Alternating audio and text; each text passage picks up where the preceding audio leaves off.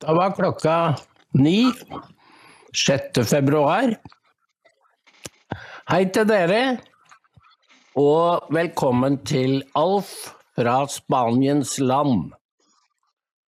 Hei, Alf. Hjertelig takk, Hans. Hei. Hei. Og hjertelig velkommen til deg òg fra, fra det nydelig vakre Eidsvoll. Ja da. Det var hyggelig at du sa. Det likte jeg, vet du. Ja. For det er sant. Norsk vinter, det fins ikke noe som norsk vinter. Nå er det 14 minus, og jeg er oppe halv sju og fyrer i, fyrer i ovnene. Takket være Støre, så må vi fyre. Er du sikker på at det er lov? At det er lov å fyre? Ja, det er det. Ja, ja. Jeg mener, enjoy, nyte mens du kan. Ja. Det, det er, det er, men du, Norge er, Norge, norsk vinter er jo mange ting. Altså. Der hvor jeg kom fra, så eh, Men nå er jo mørketiden også på vei uh, til å gi seg i Nord-Norge, eller oppe i Finnmark.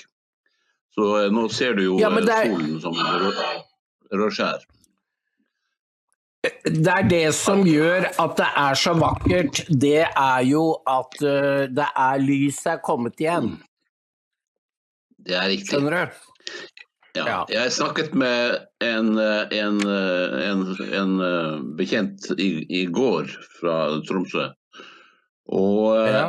og jeg, jeg sa til han du vet at det underlige er at jo eldre du blir, og jo lengre bort hjemmefra du kommer, desto klarere står oppveksten i dette magiske landskapet i nord, hvor lyset skifter Ja. så dramatisk fra sommeren, hvor det er lys døgnet rundt, til mørketida og vinteren. Og det, det, det, det, det er noe majestetisk ved Norge, noe, noe som, som suger deg fast og som du bærer med deg hele livet. Og som du på en måte Jeg vil ikke si du Man hungrer jo ikke etter kuling og snø og kulde. Men, men likevel så er det noe ved en som gjør at du vet hvor du kommer fra, Hans. Du, ikke bare det, det er helt riktig Alf, men ikke bare det. Jeg må si at uh, du ser jo ikke så godt som uh, det du går i til daglig. Og Nei. Eh, det er ikke det, Altså, naturen jeg er omgitt av, er eh, vakker. eh, Særlig pga. Vorma og synet oppover mot Minnesund. Men, og at det er kupert. Men du vet, når jeg fløy inn til Ørsta her ja. for ikke så lenge siden, og så Sunnmørsalpene Du, det var storslagent, altså. Det var monumentalt for et stort land. Altså, eh, og dette vi, vi er ikke klar over hvor, hvor storslagen norsk natur er. Eller vi ser det ikke. Og, og Nei, nei. eh, vi blir mm. Ja. Men altså, nå er jo innflyvningen til de flyplassene på Vestlandet er jo eh, når flyene dropper ned til landingshøyde mellom fjellene, og det virkelig ja. landskapet løfter seg, så ser man jo hvilken fantastisk del eh, av Norge. Så du har forflyttet deg fra eh, Østlandet med sin egen skjønnhet til en annen verden med fjell og, og hav og fjord. Og, og grønn, øh, grønne, grønne plekker hvor det bor folk i hver eneste vik. Og det er, det er, det er en stor opplevelse. Du, eh, men nå skal jo dere ha denne eh, store militærøvelsen oppe i Finnmark, og jeg må bare si, hadde du levd, bodd hjemme nå alt, så hadde du blitt sjokkert. Fordi nå er det krig, krig, krig. Og det var, eh, det var jo i, det var jo i um, det er sam samenes dag i dag, vet du. Og det Det er jo jeg. da gjort til en Ikke, ikke, ikke fortell meg at de er innrullert. Ja, de er innrullert, eller det er vi som er innrullert fordi samene skal delta i da det nye Mangfolds-Norge. De er den, den, den eh, native innfødte spydspissen. Men så var det jo en barnehage på Tøyen, vet du. De bare ville ha seg frabedt at Støre kom. Det er litt spesielt. Og da Ja. Og på grunn av Fosen. På grunn av Fosen. Og så var det et innslag fra Drammen, en barnehage i Drammen, hvor eh, ungene ble da spurt om hva het uh, god dag på samisk osv., og, så videre, og disse ungene husket jo ingenting. Eh, og dette er jo som i det gamle, i hvert fall DDR. Det er som i gamle kommuniststater, hvor barna ble innlemmet og vervet til sånne kampanjer som jo var politiske. Nei, Og jeg, det- jeg, Ja. jeg, jeg, jeg, holder meg fast i, i, i stolen når jeg sitter hans. eh, For eh, hvis eh, disse, denne lille eliten som lider av demoniske vrangforestillinger, og som nå blir latterliggjort Hvis du hører på utenlandske program, så blir jo Norge latterliggjort over hele verden. Vi er, hvordan vi, som er et av de rikeste land, gjør nå et, et intenst forsøk på å ødelegge alt vi har bygd opp, og erstatte med noe som ingen vet hva er. Og vi er de eneste som gjør det. Det er ingen, det, er Tyskland gjør det jo litt, og svenskene kanskje. Og, og, men det er ingen andre land. Det er ingen som driver på på den samme måten som Norge. Så noe har skjedd inni hodene på en liten elite, og de har fått med seg en stor skare av de såkalte intellektuelle som tror at det de bygger på andre siden skal bli så mye bedre. Men hvis de innfører woke-kulturen, ikke fortell meg at de greier det i de samiske bygdene som jeg kjenner godt, Karasjok og Kautokeino. Og, og, og, og jeg har flytta hans da jeg var ung reporter. Så jeg fra Masi over, over den øde vidda, og den er virkelig øde. Det er uten et tre. Det er bare stein og snø hele veien. Og det eneste du ser er reinflokken, kanskje 3000-4000 dyr, som beveger seg langsomt ut mot kysten. Og du bærer med deg alt det du trenger, og det er 40 minusgrader. Da vet du, og de følger eh, sam, Samene må vi ha respekt De er et urfolk som følger de samme sporene, tråkkene og nedarvede reglene for å overleve. Jeg kan si det, Hans, at jeg var sprek, og jeg var skiløper. Og jeg hadde alltid det nyeste, men nyeste utstyret som fantes. Men da vi kom inn på Selbuvidda i nesten 40 grader, så holdt jeg på å Ja. fryse i hjel. Og hadde ikke de tatt av meg de moderne klærne og gitt meg pesk og skalla med senagress, så hadde jeg vært en død mann. Men de visste hvordan man skulle mestre forholdene den gangen. Og da må du ikke komme trekkende med dette vanviddet som, de har, som, som er skapt i en eller annen eh, mørk kjeller i et, på et universitet i USA, og som de tror er en, som de, de vil bruke som en ny religion. De må ha større respekt enn det de viser hvis, er, hvis, de, hvis de forsøker seg på et sånt prosjekt. Og Hans, det, er, det tror jeg man skal bære med seg, at samene er et fredens folk, kanskje enda mer enn vi nordmenn er. Fordi de har levd på tvers av langgrensen der oppe og vært nødt til å finne ut av hvordan de skulle omgås svenske, russiske, finske og andre. Eh, Og nå snakker jeg da om flyttsamene. liksom. Og eh, jeg, jeg, jeg har masse samiske venner, og jeg kan ikke tenke meg et mer vennligsinna folk enn en dem. Og, og, og, og, nå innrullerer du dem i, i, i eh, vest, den elitens og Natos uh, nye krigerske eh, Hva skal jeg kalle det for? Krigerske tenkesett. eh, vil være et overgrep mot, mot eh, befolkningen. Jeg håper, jeg håper de kjemper imot, både vindmøllene og og forsøkene på en militarisering av, av det nordlige Norge som må foregå. Mm. Fordi jeg kan si deg, så går jeg inn på Aftenposten, og der er det krig, vet du. Og nå skal de sivile mobiliseres. Først er det Altså, dette er en sak som er skrevet fra Kiev, hvor sivile ukrainske kvinner øver på krig. Eh, sivile bes om å gjøre seg klare til krig. Barneskolelæreren Olena Pysmak vet hva som må gjøres, men du skjønner, det er ikke bare i Ukraina. Blir det krig i Nato-land sånn for alvor? Det er ikke rart om du stiller deg spørsmålet.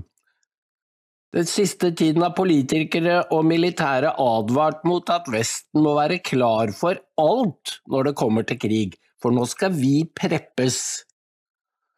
Uh, her siteres svensker, og briter, og in, også i Norge advarer eksperter om at Russland kan være klar for ny aggresjon tre-fem år etter at krigen i Ukraina er over. Hvordan kan vanlige folk forberede seg? Altså, nå skal vi gjøres klar for krig. Ja, Hans, jeg, jeg, vet at vi er en, en, en enslig røst i ørkenen. Men uh, alle vi som har levd i massemedia i, i tiår etter tiår, uh, vi, vi gjenkjenner jo vi gjenkjenner, vi hører lyden av eh, folk, de som lister seg i bakrommene og som formulerer disse ideene. Det som skjer nå, Hans, og det er klart at det er kommet som, en, det er kommet som en, en koordinert, et koordinert fyrverkeri av, av, av, fra, av ulike fiktive meldinger om trusselen, den angivelige trusselen fra Russland, som har stått i alle de store avisene, og sikkert også de norske, om at det er like før, nå må vi mobilisere, og det er like før Russland går til krig mot resten av oss. Det er dette hans eh, dette, dette Vi må jo forsøke å forklare folk at dette er et påfunn sannsynlig gjort, gjort av propagandastaben som sitter bak Det hvite hus og i, i, i, London.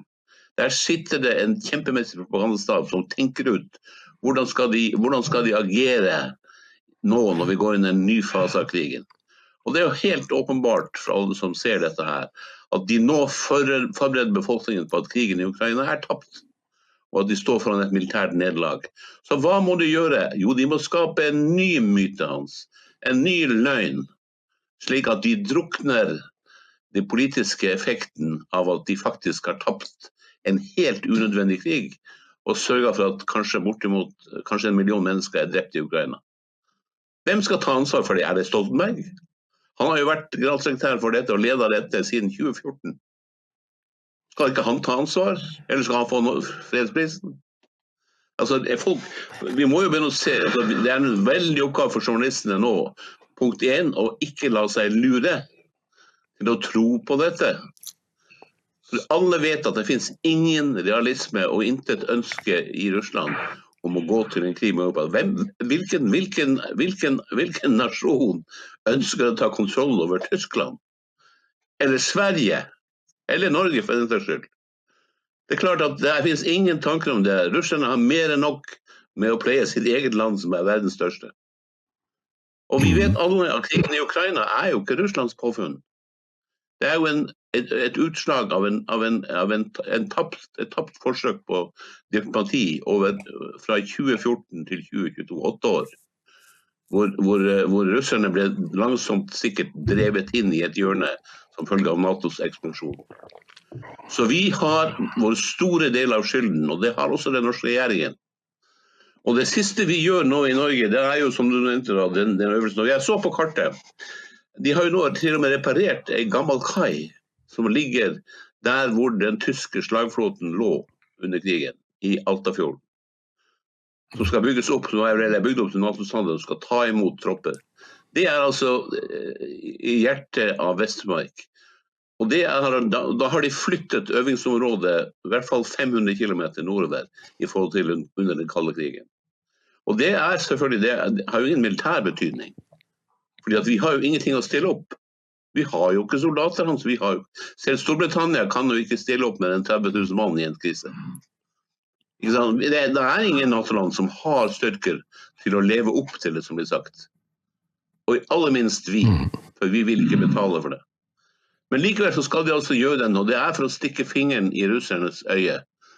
I håp om å provosere fram et eller annet som kan, som kan, som kan forlenge tragedien i Ukraina. Det er ingen annen grunn til det enn det. Og det er, det er moralsk avskyelig, og det er etisk, altså presseetisk for de som fremmer dette uten å, uten å, uten å leve opp til journalistens rolle som politiker. Så er det, må, må, må, det fordømmes på det sterkeste, for da har journalistene glemt sin fremste oppgave. De skal informere folk om at en slik øvelse er et ønske om å provosere russerne til å gjøre noe, til å, gå, til å gjøre noe som eh, kan, kan, kan intensivere, og forlenge krigen i Ukraina. Det som, det som står om, om krigsflukt, er skapt propaganda som kommer fra dette propaganda- og sensurapparatet som vi har satt opp, og som har dirigert oss de siste årene. Og som driver oss av skanse til skanse. Og det er nesten ikke til å tro hans at verdens rikeste land som vi er, med, med skulle man tro, en, en, en, en, verdens beste skolegang så lett kan forvandle hodene til folk fra fred til krig. Det er ikke lenge siden Universitetet i Tromsø var, ble, ble, døpt til Fredens universitet. De skulle arbeide for fred på Nordkalotten. Vi var alle sammen fred. Bestebørdene for fred sto på, foran Stortinget hver dag. Det var peaceniks overalt. Vi var alle for fred. Alle radisene var for fred. Og så er det snudd om. Plutselig er vi for krig. Det er, det er til å gråte over, Hans. Ja da, det er det fordi uh, det som ikke går opp for folk, eller uh, jeg tror nok de innerst inne er klar over at det foregår noe som uh, som er veldig alvorlig, men de klarer ikke plassere det, det er jo at de de har De hauser opp en krig som nå har vart i to år. Og EU klarte å, å få med Orban, jeg tror de bestakk han. Og nå er det Biden som skal ha nye 60 milliarder til Ukraina etter å ha gitt dem 115. Og dette er eh, På klassisk demokratisk vis så lager de en stor pakke hvor de slenger på ting å som, eh, Så de skal sluke hele agnet. Men det blir ikke noe av denne gangen, fordi de har altså eh, Republikanerne stilte jo krav om at de måtte stenge grensen hvis det var overhodet snakk om å gi noe mer penger til Ukraina. Isteden så har de lagt fram et lovforslag på 370 sider som gjør det motsatte. At grensen skal være åpen og, strømmen skal bare øke. Og det er Det sier jo alt om hva Biden-regimet står for, og det er et slags kupp av Amerika. Uh, som Laura Ingram var veldig god i natt, og sa at denne Langford fra Oklahoma, som har vært republikanernes forhandler sammen med Mitch McConnell, de har holdt på siden oktober, og det har ikke kommet frem et pip. Eh, det har gått noen rykter om 5000 per dag. Og det ble avsannet, men så viser det seg at det er enda verre når teksten først kommer på bordet, og det skal til avstemning på onsdag, altså i morgen, i Senatet. Og det siste jeg hørte nå var fordi det er, ligger også inne 14 milliarder til Israel i denne pakken. Men da har Biden sagt at hvis ikke hele pakka går gjennom, så kommer han til å blokkere hjelpen til Israel. Så mye, og de er i krig, så mye betyr krigen i Ukraina for den vestlige eliten. Det skal føres krig mot Russland for enhver pris. Ja, det er Hans, dette jeg, jeg, oppfordrer alle våre lyttere til å søke informasjon i alternative medier eh, over hele verden som har grunnleggende analyser om hvordan dette korrupte systemet fungerer. Eh, det var én som eh, hadde, hadde, jobbet i Du vet at det, militær, det vi kaller for det militærindustrielle komplekset, en, en formulering av Eisenhower fra, fra slutten av 50-tallet, Eh, er altså eh, de store, de store våpenfabrikkene de store økonomiske fondene. Ikke minst det som kalles for BlackRock, og som ledes av eh, som Støre besøkte her i Barnskill. De har altså en, i Washington en egen, en egen avdeling som kun arrangerer middager for de folkevalgte. Og de er opptatt middager og lunsjer, og de er opptatt av jobben jobbe så svetten siler døgnet rundt. For, for, eh, politikerne står i kø. For på disse middagene, hvis de kommer der, så får de altså ved, i en konvolutt ved siden av servietten, så ligger det en sjekk på 10 000 dollar.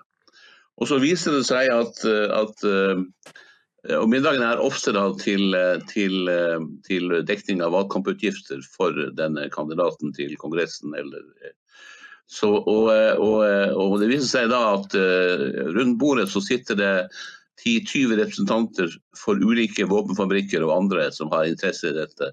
Og de har også med seg konvolutter. Slik at, at, når vedkommende går ut, så er han happy. Kanskje han har fått 100 000-200 000 dollar til sin valgkamp. Og var, Lykken varer så lenge til neste gang det kommer en avstemning om en sak som dette. For da kommer de på døra hans og sier hør her, vi har betalt det, vi har finansiert det, og nå må du stemme det sånn som, som, vi sier. Og Det er jo her den dype staten driver sin form for korrupsjon. Hans. De øver et indirekte press ved hjelp av penger og gaver og alt mulig annet. Fra kvinnfolk til brennevin til uh, de unevnelige ting. Og sånn har de tatt grepet om, om, politikerne i Vesten. Og ingen av oss vet hvor langt dette har kommet og hvor langt, langt dette har gått i Norge. Men vi må snart begynne å stille spørsmål. Mhm. Hvordan, hvordan har dette vært mulig å forandre folks tenkemåte? Og da tenker jeg på folk i pressen, folk i politikken, på så kort tid. Med så ødeleggende resultat at du ser folk har fått det mye verre enn nødvendig i verdens rikeste land. Og at vi er på villspor i alle store spørsmål.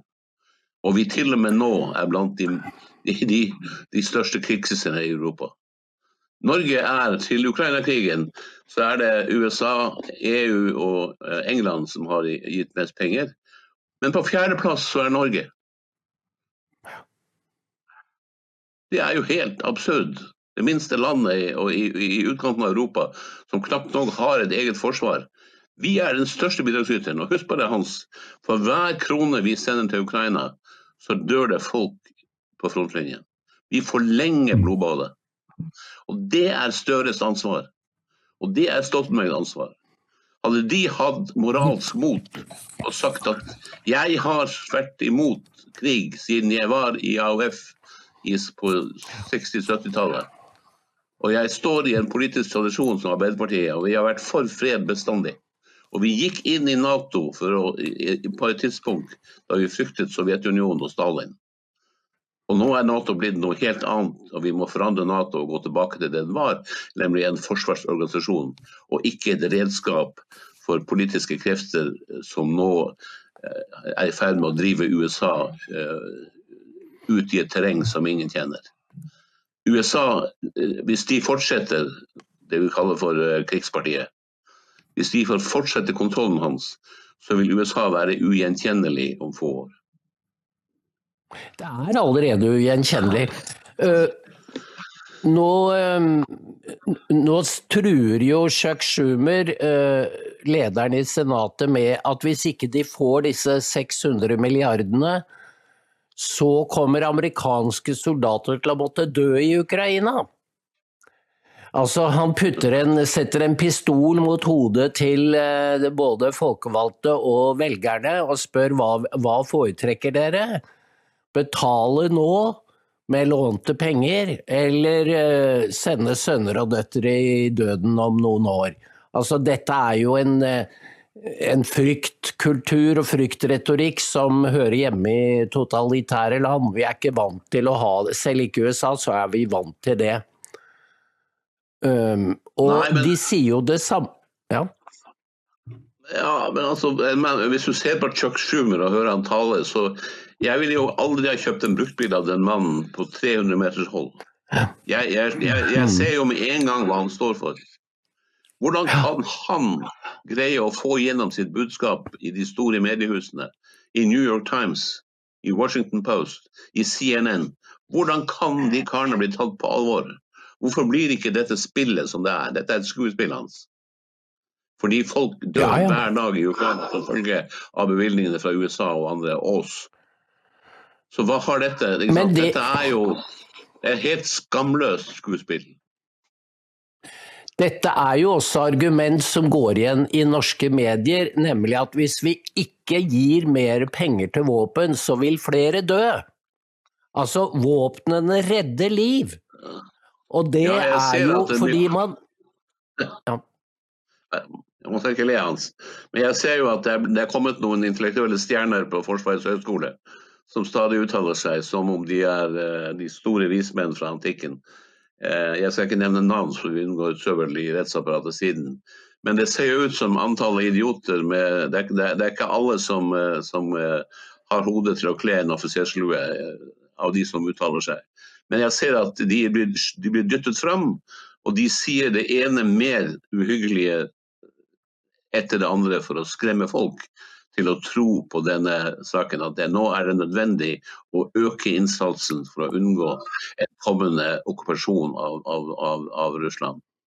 Og det finnes det mm. altså overhodet hvis, hvis den militære etterretningstjenesten i Norge som eh, har en, en, en, detaljert minutt for minutt overvåking av alt som rører seg på russisk side, og som selvfølgelig i dag eh, arbeider på høyt trykk 24 timer i døgnet, hvis, det, hvis de forteller den norske regjeringen i sine daglige rapporter at vi står overfor en øyeblikkelig trussel fra Russland, så, så, de, så, må de vite at de snakker usant.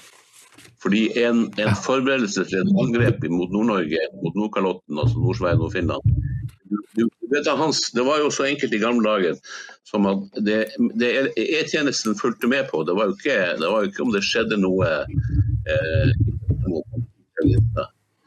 de fulgte med bakeriene i Petropavlovsk utenfor Leningrad, altså, eller i Karelen, for å se om, om den russiske begynte å bestille et større antall brød enn vanlig. Og så så de på transportflyene som våpen og utstyr inn, nordvest, inn i Nordvest-Russland som forberedelse til et angrep. Og de, det, de, det, gjør de fortsatt. Så hvis de har den type data, så må de jo legge det fram. Men jeg, vet, jeg, jeg vedder på at de har ikke én ting som peker mot at russerne forbereder noen som helst aksjon mot Nordkalotten i nord. Jeg tror dette er en gigantisk bløff og en politisk drevet konstruksjon. Du vet, det er interessant å observere, bare for å uh, uh, supplere. Under valgkampen uh, foran Obamas andre periode, da Mitt Romney stilte opp. Han med det fine, svarte ja. håret. Så ja. ja. Så sa jo han i en av TV-debattene at Obama hadde neglisjert hvilken trussel Russland utgjorde, eh, fordi det var Russland som var den største trusselen. Og Obama bare blåste av ham og sa Russland er blitt en annenrangs nasjon, de utgjør ingen trussel mot oss. Og så, når var dette her? Det var i 12, 2012. Altså, det er ikke så lenge siden, men på ganske få år så har man mobilisert en både militært og strategisk, og ikke minst informasjonsmessig, til et helt annet bilde hvor Russland er hovedfienden. Eh, dette er det, er det, må jo være mulig å etterspore hvem det var som snudde hele skuta og valgte, la en plan, eller tror du den er blitt til mens de, mens de gikk, holdt jeg på å si? Altså, hvor hvor er eh, røttene til denne nye kalde krigen som holder på å bli varm? Ja, altså, jeg, jeg, vet jo at det er eh, mange titalls, for ikke å si hundretalls, eh, forskere og, og, eh, forfattere og, og, eh, intellektuelle av ymse slag i ulike deler av verden som jobber dag og natt, og som stadig legger frem nye brikker for å bygge dette puslespillet du snakker om. Og det er klart at det, dette, dette, er en plan som er under utvikling i dette såkalte neokon-miljøet. Eh, hvor vi vet uh, hvor, er, uh, hvor, pengene kommer fra, og vi vet hvem som har jobbet i de. Det er jo disse, tenk, tenk, disse såkalte tankesemiene hans du må se på, hvor disse ideene etter hvert har kommet. Og det er klart at uh, Obama, som vi ga fredsprisen til før han, må, før han hadde tiltrådt, vi ga han fredsprisen. Han snudde jo rundt. Og jeg ble den største skuffelsen som noen president eh, har vært i nyere tid i USA. Det er jo en fullkommen skandale, Obama. Og eh, hans, det du må se på, er jo at det er jo Obamas menn og kvinner som står bak Biden. Biden var Obamas visepresident. Ble satt inn for å føre Obamas verk videre og til å hjelpe denne mannen som var på vei inn i alderdommen, svekkelsen, så har de kjørt inn alle Obamas folk. Det er jo de som driver denne krigen. Og det er mannen som fikk fredsprisen. De burde jo ta fra ham fredsprisen. Så det, det er, men det er hans vi, jeg, jeg, er jo en eldre herre, jeg, og, og, og, det er klart at meg, hvis jeg hadde vært i, i avisen i dag så ville det vært hovedprosjekt nummer én. Å finne ut hvordan nordmenn, hvordan den norske regjeringen og den norske militære etterretningstjenesten lot seg påvirke, lot seg eh, Skal vi bruke ordet kjøpe til å delta i første linje? Og Det er jo det som, det er, det som er katastrofen for nordmenn gjennom Stoltenberg, som, som, bruker sitt ansikt og som fronter dette, og som sier den ene dummere tingen etter den andre på fjernsyn, og som folk ler av fra Ankara til, til Albertville i Canada. De ler av han, de tror han er komplett idiot, som lar seg bruke til å, å, å si så mye dumt som han, altså, og, og så mye som er rett og slett Du hører jo at det er ting han har fått drilla inn av andre. Det er ikke hans opprinnelige tenkning du hører her. Det er, ikke sant? Jo... Vi, må, vi, må, det, det, vi, vi, må, vi, må, begynne det store prosjektet som avslører eh, hvordan eh, denne generasjonen av politikere som styrer Norge utover motstupen nå, hvordan, den, hvordan, de kom til makten og hvordan de, hvor de fikk sine ideer. Og vi må avsløre hans hva, hva hva, hva den egentlige eh, betalingen var. Var det en del av Europa, Europas gassmarked? Var det, var det, var det andre ting? Hva, hvilket grep har de? Har de skaffet seg et grep? Har de under tumultene i Har, har, har, har det vært flere Lolita-fly i lufta over USA? Eh, som har eh, korrumpert moralsk eh, norske politikere. Dette må etterforskes av journalister grundig. Og det er klart, Her vil du møte motstand etter motstand etter motstand, fordi ingen vil fortelle sannheten om dette. Men, det, men det, ja, ja. ja du, det vet jo så, Ja. Nei, jeg bare jeg, jeg, jeg... jeg, lurer på hvordan norsk presse skal skaffe seg oversikten, fordi det er jo sånn at nesten bare noen timer hvor jeg ikke følger med, så føler jeg meg litt utafor. Mens uh, Gateway Pundit har offentliggjort 2000 saker. 2000 om 6. januar.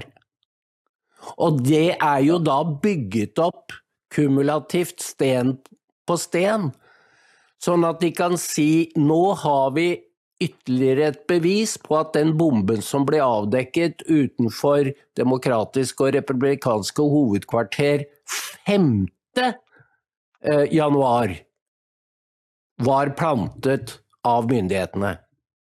Du vet, fordi den informasjonen klarer ikke norske journalister å ta inn. Fordi det river ned alt de har bygget opp de siste uh, fire årene. For ikke å si siden 2015. Så hvordan skal du dette, dette er interessant, fordi all journalistikk bygger jo på en kognitiv prosess. Hvor det ene Du har et verdenskart inne i hodet, men det som norske journalister har lagd seg, det er jo fora inn fra, fra spinndoktorer og, og, strateger i, i Washington. Og de, de, er på en måte har mistet kontrollen over sitt eget arbeid. Og det er grunnen til at folk nå mister interessen for mediene, for de får det ikke til å stemme. Dette er alvor. Ja, det, ja. ja, det er, det, det er en annen måte. Hans, det var ikke eh, Det er klart at pressen Det har alltid vært vanskelig eh, å tenke annerledes enn flertallet, også i redaksjonene. Det var én periode hvor du skulle ha partimoka i orden. Og da var det ett parti, Arbeiderpartiet. Og, eh, og, og, og straffa den gangen var hvis du satte deg utover det, så var det jo eh, enten at du blir skjøvet uh, utover sidelinja og plassert på uh, avdelingskontoret i, i, i, Kings Bay, hvor det ikke var noe å rapportere om, eller at du mista jobben direkte. Dine karrieremuligheter var slutt. Og Det er klart at det er et effektivt pressmiddel i dag, hvor, det, hvor, hvor vi har utdannet titusener, tror jeg, av såkalte informasjonsmedarbeidere og konsulenter eller pressefolk som i dag ikke har noe annet å gjøre. De har jo ikke noe å gjøre, for det er jo ingen jobber lenger i pressen. Og det er ingen som etterspør kritisk journalistikk av eierne. Og da, hvis redaktørnivået bryter sammen, Hans, de som skal fortelle på morgenmøtet hver dag, gå ut og finn hvem som snakker, lyver her. Da går du ikke ut for å bli populær eller for å beholde jobben eller for å delta på middager i kongehuset eller i Nobelinstituttet, som er de to flotteste plassene i Norge for journalister. De gikk over lik for å komme dit, vet du. Men, eller i ambassaden. Du, du, gjør ikke det. Det er ikke det som er målet ditt. Målet ditt er å, er, er å gå på de folka og filleriste dem med dine spørsmål og dine undersøkelser. Og få vite hva sannheten er. Og skaffe deg kilder Bruk, bruk, bruk, den tiden du trenger. Men kom tilbake med faktum, for det er det jeg leser ha. Og det er den pressen som levde, og som representerte folket, de delene som, som, som, som gjorde jobben i gamle dager. Nå er det nesten borte. Og det du ser effekten av dette, Hans, at du kan lyve i en viss tid og lure eh, folk, men du kan ikke gjøre det til evig tid.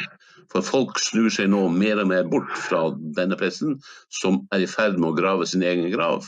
Og det er den alternative pressen som kommer til å overleve. Og da spørs det bare, for Det som er igjen da, Hans, det er kampen mellom den alternative pressen og den vi kaller for den dype staten. Som er en sammensmelting av de store økonomiske fondene. Muligens, kan vi regne våre norske eh, fond med i den gruppen, det vet jeg ikke.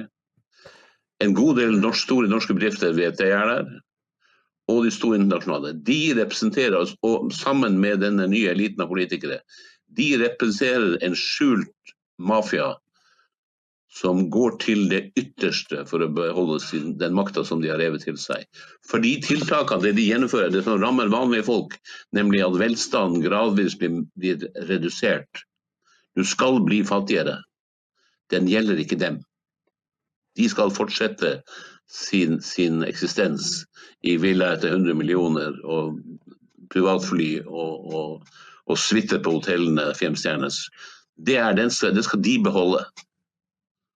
Hans, du ser at dette går mot en kollisjon. Og jeg, og, og jeg, jeg, jeg må si eh, Da jeg sist jeg var eh, Ikke sist jeg var, men jeg ledet en gang eh, Jeg var redaktør i et stort magasin. Og der hadde, der hadde, eh, de få eh, Det, her var tidlig på 90-tallet, så da var relativt få eh, norske industrifolk og, og, og, pengefolk. Men det var ikke så mange av dem den gangen. Det var jo noen skipsredere og sånt. Men de var jo tradisjonelle høyrefolk som du, eh, som du visste hvor du hadde. Men det kom jo opp en ny generasjon som ble skapt av børsen som eksploderte i 1983, da Aune Willoch. Eh, og senere Gro Harlem Brundtland. De svingte seg opp på raske penger. Og de hadde den irriterende uvanen at når de skulle ut og fly med sine privatfly, så var det jo så mye lettere for journalistene som skulle dekke begivenheten, å få sitte på og få haik. Mm. Og det var jo, I disse privatflyene så satt jo journalistene som, som De følte seg jo som, som, som prinser i et nytt, i et nytt paradis. Helt til gamle redaktør Jacobsen satte foten ned og sa hvis jeg hører at noen av dere har vist rumpa på et av de flysetene i denne det flyet, så har du sparken i morgen. Det var, det var jo, ikke sant, det, det virka. Men jeg ble, jo ikke, ble jo ikke verdens høyest elskede redaktør av den grunn. Men jeg, du var nødt til å sette foten ned for den banden. For det er sånn Du vet at nord, de nordmennene er billige, vet du. Et gratis flysett over Atlanteren med champagne til frokost. De, vet du hva, de kan de kysse føttene dine for det. Ja. Du Alf, du er en av de få som er igjen som forstår nyheten om, som kom eh, på, i helga om at USA har fått tilgang til ytterligere åtte baser i Norge, sånn at de nå er til stede på tolv av Norges baser. Og der får de altså ekstraterritorielle rettigheter, og det vil si at der gjelder ikke norsk lov. Norsk, norske myndigheter kan heller ikke gå inn og inspisere hva amerikanerne holder på med. Så det er et stykke USA på norsk jord på Norges viktigste militære baser. Det samme har de gjort i Sverige, der har de fått tilgang til 17 baser. Og i Danmark er det foreløpig fire. Og det samme har de gjort i Finland. Og da kan man jo spørre seg hva er det de har planer om? Alf, og hvordan kan dette gli ned uten at det er diskusjon? I, i, et, I, et, land med folkestyret hans, vi kalte det for folkestyre i gamle dager, som Norge, så er det jo eh, fullstendig eh, meningsløst at denne type politiske beslutninger ikke debatteres i full åpenhet. Det forandrer, forandrer jo hele, hele, det fundamentet som vår utenrikspolitikk eh, under den kalde krigen var bygd på, nemlig den såkalte baseerklæringa fra 1950-51.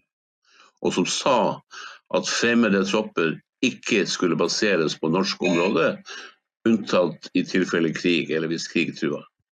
Som var en, en klok formulering gjort av eh, tror jeg, Jens Christian Hauge. Uh, den har de nå kastet over bord. Og vi står, eh, det, altså Sverige ga jo tidlig 17 baseområder, eh, og jeg regner med at det var prisen for å komme inn i Nato. Og de har sikkert betalt masse, masse annet over svenskene for å komme inn i Nato. Og vi vet heller ikke hva finnene har betalt. Eh, men danskene har holdt seg sjøl i skinnet og holdt seg til fire, og vi var også på fire. Og nå er vi plutselig oppe i hva sa du, tolv? Ja. Eh, den eneste Jeg har jo skrevet masse om dette i, i, i bøker. Og, og jeg, jeg må bare si det, altså, det er ikke så skryte, men jeg var en gang i tiden så, eh, så skrev jeg en bok om eh, Nordkalottens strategiske betydning. Altså de usynlige geopolitiske linjene som går over Nordkalotten. Altså, vi, vi, vi, I Norge tror at Arktis, eller de havområdene vi kontrollerer utenfor kysten av Nord-Norge, Eh, at de er eh, utenfor land, og at det er ingen interesse i disse områdene. Men de er i, blant, i, blant stormaktene av den ypperste strategiske betydning. Og det, det, det, har, det, har, det har én hovedgrunn hans. Det er at eh, Russlands eh, flåte av atomubåter, som de nå bygger, bygger med, med, helt nye modeller og veldig lydløse modeller, og som opererer ut fra baser rundt Murmansk. Og som kommer til å operere fra disse nordlige havområdene under iskanten mellom Svalbard og Nova Semlia. Disse ubåtene er den, kanskje den største trusselen i tilfelle en atomkrig eh, mellom, mellom, Vesten og, og, Russland. Og det de forbereder seg på nå, åpenbart, er at de skal, de skal gjøre et forsøk på å ta igjen det tapte. Det er jo ingen tvil om at eh, under eh, de siste årene så, så, eh, så har eh, Russlands våpenteknologi eh, gjort store fremskritt, ikke minst med hypersoniske våpen også, som også finnes om bord i disse ubåtene. Som gjør at uh, USAs marine og Englands marine ikke lenger har den kampkraft eller har den evne til å trenge gjennom forbi Nordkapp og utkjempe den delen av verdenskrigen som kommer til å skje der. Og som er kanskje den avgjørende delen. Og Det er grunnen til at de skaffer seg baser i Norge. Det må være De ønsker å bygge ut sin kapasitet med spesialsoldater for å gå inn og, ta ut disse basene på forhånd. Og jeg tror, for Hvis du ser på andre klassiske mål, så er det klart at, at da de sprengte eh, rørledningen med gass eh, fra, fra, fra gjennom Østersjøen, så fjerna de Russland fra det største gassmarkedet på denne siden av kloden, Europa. Og de er blitt erstatta med eh, amerikansk LNG i hovedsak. Altså flytende gass som fraktes med skip. For de er for langt å ligge røst fra USA til, Norge, til, eh, til Frankrike. Så hva, hvor kommer Men russerne har jo en, en like stor og mer avansert LNG-industri som er i Arktis, og som ligger rett utenfor vår grense. Og hvor vi kunne hatt et usedvanlig fruktbart samarbeid. Fordi vi har nemlig en LNG-fabrikk i min hjemby Hammerfest som heter Snøhvit.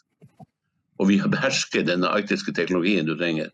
Men russerne har jo vist at de, eh, sammen med franskmennene, har klart å utvikle det samme. Og når de nå åpner og får kontroll over Nordøstpassasjen, så de, blir de hovedleverandør eh, til Kina og de andre store landene i Asia, som er det andre store markedet, og som USA vil inn på. Så, så det er klart, når, når, når, mannen som var ambassadør i Kiev da, da Victoria Newland, hun som eh, er en, kanskje en av de fremste neokon-krigerne eh, ja, i krigspartiet, får vi si. Eh, da de organiserte kuppet i Kiev i 2014, så var Payet ambassadør. Og han har siden er nå rådgiver for Biden i energispørsmål. Og han sa jo nylig at nest, et av de nye store målene var eh, Russlands LNG-industri i, eh, i, i, Arktis. Så se ikke bort fra at det er, det er atomubåtene og Russlands økonomiske utvikling. Og I Putins 20-årsplan som eh, kom for en del år siden, så var jo disse områdene i Nordvest-Russland og Arktis som skulle, skulle bli fundamentet for Russlands fremtidige økonomiske vekst. Så noen tenker her på å fortsette en krig mot Russland. Og de bruker oss. Og vi vettløse gir bort vårt territorium til formålet. Uten at folk blir bedt om å, å være med og bestemme. Vi må jo ikke, Du sa DDR eller Øst-Russland. Ja, vi er der, Hans. Vi er en bananrepublikk nå. Disse feigingene som sitter rundt og tar beslutninger, de tør ikke. De tør ikke å fortelle folk sannheten. For de vet at folk vil da snu seg mot dem. Du vet at du kan avgi valgløfter i så og så lenge, og da kan du svikte dem så og så lenge, men du får ikke stemmene neste gang.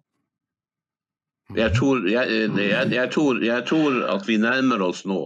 Vi nærmer oss, og Derfor blir 2024 kanskje det viktigste året i, i, i etter annen verdenskrig eh, i internasjonal politikk hans. Og det er pga. krigen i Ukraina og de kreftene som står bak og dette pågående eh, konstruerte, eh, de konstruerte løgnene, løgnpropagandaen om at vi må, for, hvis vi ikke fortsetter i Ukraina, så må vi møte Russland i en ny krig om tre til fem år. Dette er en konstruert løgn. Mhm. Det er det ene. Den, på, den har åpna nøkkel. Den har vunnet på en måte gjenklang. Vi har alle blitt krigere. Til og med til, til, og med de gamle fredsfolka i Norge, som det fantes titusener av, ikke minst på venstresida mm. hans, fra bestemødre til, til universitetslærere. Jeg ser ikke noen av dem igjen. Men det er det ene. Det andre er selvfølgelig at det kommer opp et valg i USA i november. Og det er det skjebnesvangre tidsskillet. Og det er jo derfor eh, de amerikanske demokratene og propagandaapparatet går for fullt. Og at alt mulig, alle mulige slags påfunn, du nevnte 6.1, blir nå gjort for å hindre Trumps valgseier, som på papiret er ganske sikker. De, de, ser at Trump er mannen som kan forandre dette, for han er ikke en av dem. Han er self-made, og det kan man mislike eller, eller like. Men Trump er mannen som kan lede USA inn på en annen kurs, og som kan åpne for en annen type politikk og redde Europa fra en sikker undergang. Vær klar over det, Hans. Alle internasjonale kommentatorer. Jeg oppfordrer folk til å lese alternative medier overalt. Jeg erklærer jo at, at, Europa nå er, har brakt seg sjøl på kanten av stupet gjennom det grønne skiftet, som har vært et meningsløst og absurd feilgrep. Kobla til en nærmest fri innvandring. Slik at, eh, slik at eh, den politiske situasjonen er utenfor kontroll. Og den økonomiske situasjonen likeså. Og, og Europa var en drivkraft, en ledende kraft både i det ikke sant, siden ikke sant, Den viste veien til velferdssamfunnet, til folkestyret til, til, til det industrialiserte samfunnet som, som, finansierte velferden. Når det dør, Hans, og vi overtas av ankrefter som står for helt andre ting, så dør også de liberale verdiene som vi har lent oss til i hundrevis av år. Du vet, eh, jeg skjønner godt at folk sliter med å forstå, eh, få det til å gå i hop, eh, det de blir fortalt, og det vi sier. Fordi det var USA som reddet Europa fra to verdenskriger, og som vant den kalde krigen. Og det å si til folk da at det er et helt annet USA som vi har nå eh, det, det, sitter jo langt inne å bearbeide, for de sitter ikke og følger med på disse tingene som uh, vi følger, Alf. Og Russiagate, det er en uh, by i Russland, det vet de ikke hva er, for det har norske medier systematisk unnlatt å fortelle hva gikk ut på. Og det er altså bedrag. Når mediene blir fulle av bedrag, så mister jo folk eh, kompasset. Og da, forhold, da, sitter jo disse gamle instinktene i at USA står for the free, og de reddet oss. Og demokratene er de gode. Og republikanerne er de onde. Og de fikk da Trump, så nå er de virkelig de onde. Hvis du spiller på disse enkle forestillingene i folks hode de, og gir sånn at folk tror de har tatt disse valgene selv. For det er selve nøkkelen. At du må, du må overbevise folk så de tror at de svarer med sine egne moralske instinkter, men de, så de ikke merker at de er lurt. Og da tar det jo Da kan du ikke forvente at det skal komme en grasrotopposisjon til at USA har fått territorielle rettigheter på tolv norske baser. Det kommer til å ta lengre tid. Men de har ikke lyst på å komme i krig. Det, det, det vet jo Hans at vi er eh, Jeg eh, jeg husker første gang jeg var på Forsvarets eh, Det heter jo Forsvarets historiske avdeling den gangen. Og Der satt professorene på hvert sitt kontor og snakket ikke sammen. Og Da var det en, en, en eldre oberstløytnant som skrev i ukebladet Nå, som var jo en høyreorgan. Som jeg var og snakka med, som hadde vært, vært i motstandsbevegelsen under krigen. Og Så spurte jeg hva er det som foregår, skal ikke vi ta en kopp kaffe? Nei, Jacobsen, du skjønner, her, sa han, her rår det en tilstand som vi i militæret kaller for væpnet fred. Vi er uenige om alt, og vi snakker ikke sammen. Du vet at eh, det, det, er, det er, en litt småtåpelig historie fra forgangne tider. Men den, den, den, den sier litt om eh, hvor, hvor, dette begynner blant de som er satt til å, å skape eh, fortellingen om vår fortid og hvor vi kommer fra. Eh, og hvis den fortellingen forvris eh, og blir usann, eller blir angrepet eh, systematisk eh, på alle sider, eh, så, det er klart at for vanlige folk å orientere seg som ikke har tid, som har fullt opp å gjøre med arbeid og familie og unger og skoler og alt mulig, og som, som vi har tid til å sette oss inn i dette. Så, så jeg, jeg har full forståelse for at de ikke har tid. Men det er pressens nåværende rolle som er den kritiske. De har betalt for å gjøre det vi snakker om, hans. Og de gjør det ikke fordi de er mm. blitt med i dette propaganda- og sensurapparatet og løgnapparatet. Dessverre. Mm. Dessverre. Fordi jeg, journalist, jeg, er, jeg var en av dem som elska å være journalist. Fordi det passet mitt lynne. Og, og, og, vi kunne jo begynne et sted, eh, et sted med Russland. Og, og, det er klart at USA gjorde en stor innsats da de kom oss til hjelp. Men, men, men altså, vi, vi, vi, må huske altså Hvis du ser på det som f.eks. annen verdenskrig i USA, så, så, så, så, er det et veldig interessant eksempel på da, da, da krigen kom i Europa i 1939, så sto, jo, sto jo England og Frankrike alene mot Nazi-Tyskland i, i, i, en lang periode. Eh, USA var nøytralt, og det var en meget sterk nøytral bevegelse som ikke ville at de skulle blande seg inn i, eh, i, i eh, et tradisjonelt, det oppfattes som et tradisjonelt europeisk slagsmål mellom statene på kontinentet. Og det, var, det, gikk jo helt til eh, Pearl Harbors, altså Japans overfall på, på USA, i desember 1941. Altså gikk to år før amerikanerne meldte seg og ble deltakere i krigen. Poenget mitt jeg skal si igjen, for å gjøre en lang historie kort, er jo at da hadde USA en, en væpnede styrke som var på 200 000 mann. De hadde ingenting. De hadde de facto ingenting. Men da kunne de mobilisere sin industri for et reelt formål nemlig eh, ondskapen i det totalitære. Enten det var representert ved eh, det japanske eh, Jeg er ikke hva jeg skal kalle det for. Den japanske eh, herredømmetenkningen over, over eh, Asia. Og Hitlers nazisme. Og de gikk sammen med vestmaktene. Eh, og, et, og, og fordi at De kom så sent i gang, og vi kom så sent i gang med å forstå hva som foregikk, at vi kunne ikke stoppe det i, i startfasen. Det tok oss fem år hans, og kanskje 50 millioner døde. Og, he, og halve verden lå i ruiner før det hele er over og vi bestemte oss for å begynne å bygge en ny verden. Og da var det jo FN som skulle være fredens sentrum, med til og med nordmann som, som første generalsekretær. Norge var fredsnasjon par excellence. Vi var de som skulle være med å bygge de nye fredsinstitusjonene. Og da ble det jo kald krig.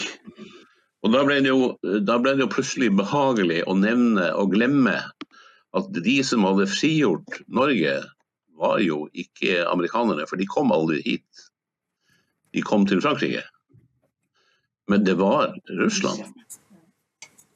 Så når, når, når, en ordfører, tror jeg, i Vardø foreslår å, å invitere Zelenskyj i markeringen av frigjøringen av Finnmark, så er jo det for det første så grenseløst stupid og historieløst at du kan gråte blod. Men det er jo også en grå fornærmelse mot de titusener som ga sine liv i kampene som foregikk etter hvert som krigen eh, utviklet seg nordover. Og så må man jo se at de de som ofret livet på slagmarken, de var jo ikke soldater fra Vesten, fra Storbritannia eller fra Frankrike eller fra Norge. Eller fra det var selvfølgelig mange titusener og hundretusener til sammen. Men de som virkelig ofret og som ble, var under angrep og der hvor de alvorlige krigshandlingene fant sted, de avgjørende, det var jo i Russland. Mellom Ural og mm. Polen. Og vi tror jo i dag at kanskje 40 millioner liv gikk tapt. Og det er klart at Når russerne ser hvordan vi nå behandler dem eh, og, og, og er, Jeg må jo si det, Hans. Jeg har reist og jobbet i ti år med tyskerne, og, og, mitt tema var annen verdenskrig. Og Det tok meg fem år å bli akseptert. Og Da begynte de å åpne døren, og jeg fikk skjønte hva som rørte seg i, i, i det tyske folkedypet. Og, og, når jeg ser og hører eh, ekkoet, så må jeg si at eh, den, den, måten vi behandler Russland på i dag, og, det hele tatt det slaviske folk, så minner det så mye om eh, Goebbels eh, løgnpropaganda og, og Hitlers ideologi om eh, at unter, var, de som var i øst, det var untermenschen. Enten de var russ, russere eller jøder eller annet. Og de kunne, de kunne eh, så brutalt, og burde så brutalt som mulig rett og slett utryddes. Og Det er det samme ropet du hører i dag i avisene, på en litt mer frommere måte. Men hvis du skraper vekk fernissen hans, så kan du ikke unngå å høre ekkoet av, av Hitlers eh, ravgale rop i mikrofonene mot det han hatet. Og det samme ser du i Midtøsten i dag. Hans. Skrap under overflaten og se hva du ser der. Det er alvor. Hans. Ja, vi lever i en alvorlig tid. En time går veldig fort, eh, Alf, og vi har ikke kommet gjennom eh, på langt nær alt vi skulle snakke om. Fordi det som er uhyggelig midt oppi denne krigshissingen, er jo at Norge nå blir kjent internasjonalt for å være det landet som går lengst mot Israel og i Gaza-vennlighet. Det er ikke noe Det kommer ikke til å bli borte. Nå har vi sluppet oss så langt ut, og det virker ikke som om den norske eliten forstår at dette blir lagt merke til blant de som vi gjerne vil bli respektert av. Men det gjør vi ikke. Det er blant islamister at Norge får heiarop nå. Og det er altså en annen side Ja. Så la det være avslutningen. Da må vi ta det en senere anledning, Alf, for nå er timen gått. Så takk for at du var med og hjalp oss til å bli litt klokere. Takk for nå. Ja. Takk til deg, Hans. Takk til deg, Hans, for alt du gjør for å holde dette gående. Hei! Vi i Dokument er glade for at du Leser oss hver dag. Lytter til Dokumentradio. Og ser på Dokk TV. Redaksjonen produserer døgnet rundt. Og trenger både abonnement og donasjoner. Dokument er unikt i Norge. Vi er det eneste virkelig konservative mediehuset. Støtt oss på VIPS nummer 638941. Det Kent sa. VIPS nummer 638941. 638941. Eller bli abonnent.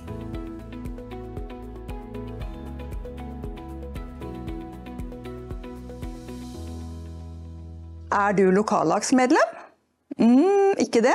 Nei, da har du muligheten å melde deg inn. Velkommen til oss.